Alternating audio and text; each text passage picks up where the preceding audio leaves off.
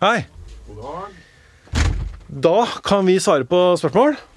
Ja, det er eh, veldig mange gode spørsmål her, vet du. Jeg veit. Men først så hører vi på låta vår.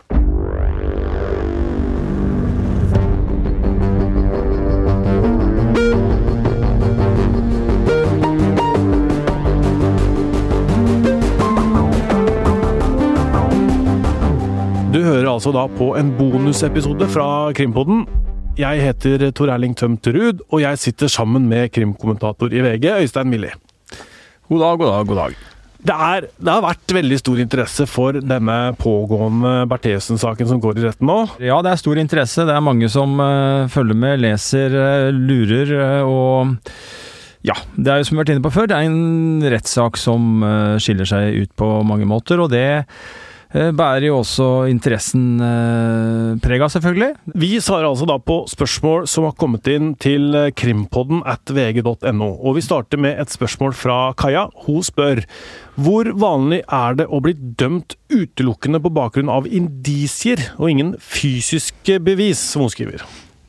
Det er nok vanligere enn mange tror. Eh, Det er én ting jeg eh, stadig får spørsmål om, og som mange eh, ikke vet eh, helt hvordan henger sammen. Det er dette med bevis. Og noen mener at noen kaller, altså mener at bevis må være noe som er 100% altså i form av et at du er tatt på fersk gjerning, at det er et fingeravtrykk, DNA, at det liksom er helt klart, du, eller en tilståelse, at du er skyldig. Da mener noen at det er et bevis. Og så mener de at ja, men du kan ikke bli dømt på indisier. Eh, men det kan du. Eh, hvis man sier at indisier er eh, definert som eh, eh, bevis som ikke er 100% Altså det er sånn at norsk rett Det er ikke noen regler for hva som er et bevis. ikke sant? Alt kan føres eh, og anføres som bevis. Eh, og så er det sånn at man skal ikke vurdere ett og ett bevis for seg. ikke sant? Jeg skal ikke ta opp en kulepenn her og si at jaha, den er sånn, ja, og så skal jeg tenke ikke mer på den. Jeg tar opp den blokka der, og så ser jeg på den, og så tenker jeg ikke mer på den. Man skal se på det samla bevisbildet. Kall det beviskjede, kall det indisiekjede. Og da, eh, og da er det eh, mulig å bli dømt, eh, og det skjer ganske ofte. Har vi noen saker på det? Ja. Jeg vil jo si at Erik Jensen-saken er et eksempel. Mm. Ingen, ingen sånn konkrete bevis som uh, sier at han er eh, skyldig. Ikke en enkeltstående bevis. Eh, eh, Orderud for så vidt det samme. Eh, Så det er, det er eh, Det er mange saker hvor det er sånn. eh, At man ikke har det der enkeltstående beviset, men at man må se en helhet. Det fins jo kanskje ikke heller, for hvis du har eh, et eh, bloddråpe på et eh, åsted som tilhører eh, kanskje en gjerningsmann, så vet man jo ikke helt om det er sikkert heller, for det kan ha vært planta der, eller kommet dit på en annen måte. Ja, det kan det, og det er jo saker hvor eh, man kan si at eh, bevisbildet er ganske overveldende, men likevel gjerningspersonen som blir dømt, nekter å si at det var ikke meg, til tross for at eh, man kan si at her er det veldig store, tunge bevis, og man prøver å, som du sier, jeg har vært borte at man finner DNA-profil og sier at da må jeg, jeg var der en gang tidligere, og kanskje jeg spytta, eh, og så må tilfeldigvis et offer ha blitt liggende akkurat der som jeg spytta, jeg har ikke vært der. Eh, Det har du tilfeller av, ikke sant? Så det er eh, det er, eh, det er sammensatt og eh, komplisert, for så vidt kanskje. For noen vil det i hvert fall framstå sånn, men det er som jeg sier, eh, sånn at man kan bli eh, dømt eh, på det man vil kalle en indisiekjede, en bevisrekke, som består av flere elementer som man må se i en sammenheng, og hvor hver og en ikke har en avgjørende betydning, men hvor summen til slutt eh, må være av en sånn karakter og styrke at eh, de som skal dømme, altså dommerne, er helt overbevist om at her kan vi trygt dømme. Ja, og hvis Bertheussen da i denne saken blir dømt på alle punkter, så lurer Fredrik på uh, hva er det som risikeres, hvor lang straff kan hun få? Vanskelig spørsmål. Eh, altså, det er jo litt, og det er kanskje vi i pressen må ta litt av skylda for, det er veldig mye fokus på dette her med strafferammer ofte. Og i denne saken så er jo strafferammen, den totale strafferammen, 16 års fengsel. Og da tenker jo kanskje mange at da blir det vel oppimot 16 år, da. Og det gjør det jo ikke. Og noen tenker jo kanskje tilbake igjen på Erik Jensen-saken, hvor den totale strafferamma var 21 år. Ble, der ble jo straffen 21, ikke sant? Men her, i denne saken, er vi langt unna det, etter mitt skjønn. Så er det jo sånn at når man skal utmåle en straff, så er det en strafferamme, og så skal man jo da vurdere uh, det som har skjedd av straffbare forhold, opp mot punktene og Eller opp mot straffebudene, ikke sant. Og så ser man på rettspraksis. Mm. Tidligere dommer. Ja, og det fins jo ikke alltid det. Nei. Denne saken finner jo ikke noen maken. Så da må du se hen til saker som har likhetstrekk i seg. Um, og det å skulle liksom Hvis vi forutsetter at Bertheussen blir dømt på alle punkter um, og litt, jeg har sett litt på de dommene som foreligger, eh, tilsvarende saker, uh, med da eh, trusler mot ja, høytstående personer.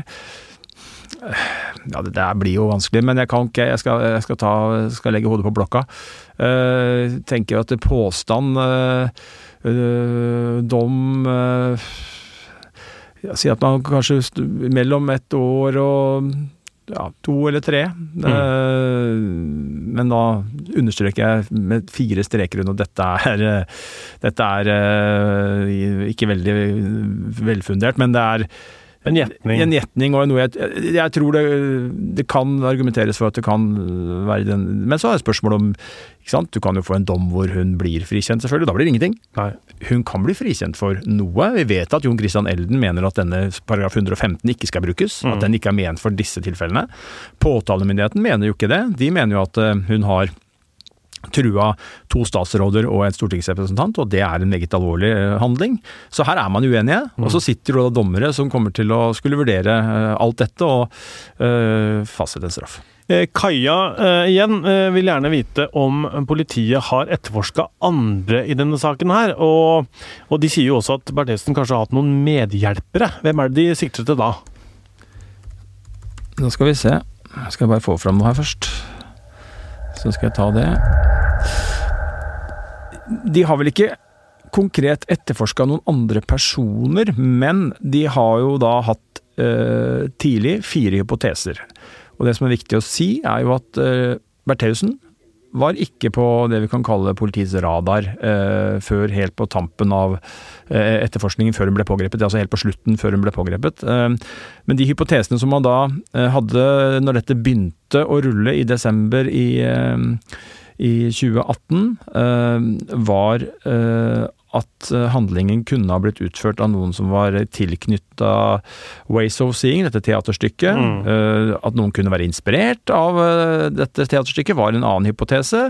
En tredje hypotese er jo at noen hadde gjort dette for at politiet skulle rette fokus mot Ways of Seeing. Det er vel kanskje det man da tenker er det som man endte opp med som hovedspor når vi ser hvor vi står i dag. Og den fjerde hypotesen var ingen forbindelse. Så det var en sånn typisk politietterforskning som den er i dag. At man setter opp alle tenkelige og nesten utenkelige hypoteser, og så begynner man å se hva som eh, styrker seg eh, når man begynner å gå eh, grundig til verks. Skal vi tro det, da, så, så hadde de ikke noen hypotese om at det var noen inne i huset som gjorde det? Det hadde de ikke. Eh, det er klart, eh, det fanges jo litt opp av den uh, nummer tre, at det var utført av noen som ønska at politiet skulle rette fokus mot Ways of Seeing. Mm. Det er jo det politiet mener er tilfellet nå når de har tiltalt Bertheussen, men, men, det kunne jo vært noen helt andre enn henne. ikke sant? Det kunne vært en støttespiller, det kunne vært noen som bare ikke kjente henne, men som sympatiserte med henne og ville på en måte uh, få i gang et, uh, et, opplegg mot teatret, eller etterforskning mot teatret. Så, så um, det er vel det nærmeste, men det var ikke noen som Hun var ikke en hypotese. Men så er det da denne pakka som blei sendt eh, helt beviselig på et tidspunkt hvor Bertheussen var i USA, så hun kan ikke ha sendt den sjæl. Eh, og da er det snakk om en medhjelper. Hva, hva, hva, hva, er det? Nei, det vet vi ikke mye mer om enn det. At det er sendt en pakke, og der er man jo uh, uenige. Elden mener at det helt klart og tydelig peker vekk fra hans klient, og at det er et uh, ikke et frifinnende bevis, kanskje, men at det er et bevis som sterkt må vurderes når man skal vurdere skyld her, og kan, kan være frifinnende, sånn som han ser det. Og så er det jo påtalemyndigheten som da mener at eh, det ikke endrer noe. At da er det noen som bevisst eller ubevisst har fått eh, oppdrag å sende denne pakka, og har gjort det. Og så et spørsmål fra Vilde, som egentlig er ganske eh, vanskelig, fordi hun spør hvorfor er Tor Mikkel Wara fortsatt sammen med Bertheussen? Betyr det at han er uenig med påtalemyndigheten, eller at han ikke tror at hun står bak truslene, eller hva, hva betyr det? Der er det enkle svaret vet ikke. Eh, kanskje får vi vite noe mer når Tor Mikkel Wara skal eh, forklare seg i retten. Det skjer eh, snart. Eh, men eh, det vi kan eh, slå fast, er at han gikk av som justisminister for å ta seg av familien sin. Han kommer til og fra retten med Laila Bertheussen, hennes advokat, nei, hennes advokat Jon Christian Elden og sin bistandsadvokat Ellen Hola Grandenes hver dag, og at de Eh, Bertheussen og Wara snakker sammen i rettssalen og har en uh, tilsynelatende en fin tone. Det er det vi vet. Og så er det også sånn at uh, det er jo begrensa offentlig interesse hvordan den relasjonen deres er. men den blir selvfølgelig noe interessant og må belyses noe, i og med at dette handler om at den ene er fornærma, og den andre er utpekt av påtalemyndigheten som gjerningskvinne. Men jeg har vært borti saker hvor vi har fått sånne spørsmål før også. Altså hvorfor står kona til en som er tiltalt uh, for noe, uh, liksom bak ham, eller motsatt? Hvorfor står mannen bak? Altså ektepar, samboerpar, de står sammen. Nei, på andre saker så er det jo uh, situasjonen at man mener sterkt at partneren er uskyldig, ikke sant. Mm. Uh, Orderud-saken hadde vi Per Veronica, som jo begge ble tiltalt og dømt. Uh, begge står hardt på at uh, begge er både den ene og den andre, altså seg sjøl og livsledsageren som det var, da, er uskyldig. Øygard-saken Øygard-saken, ja. ja. Så hadde vi jo kona til Øygard som, som sto og ved hans side hele veien har gjort det, og sier at han er uskyldig dømt. Og dette er jo gjerne saker hvor det ikke er noen fellende bevis, og hvor det er tvil, sånn som de ser det.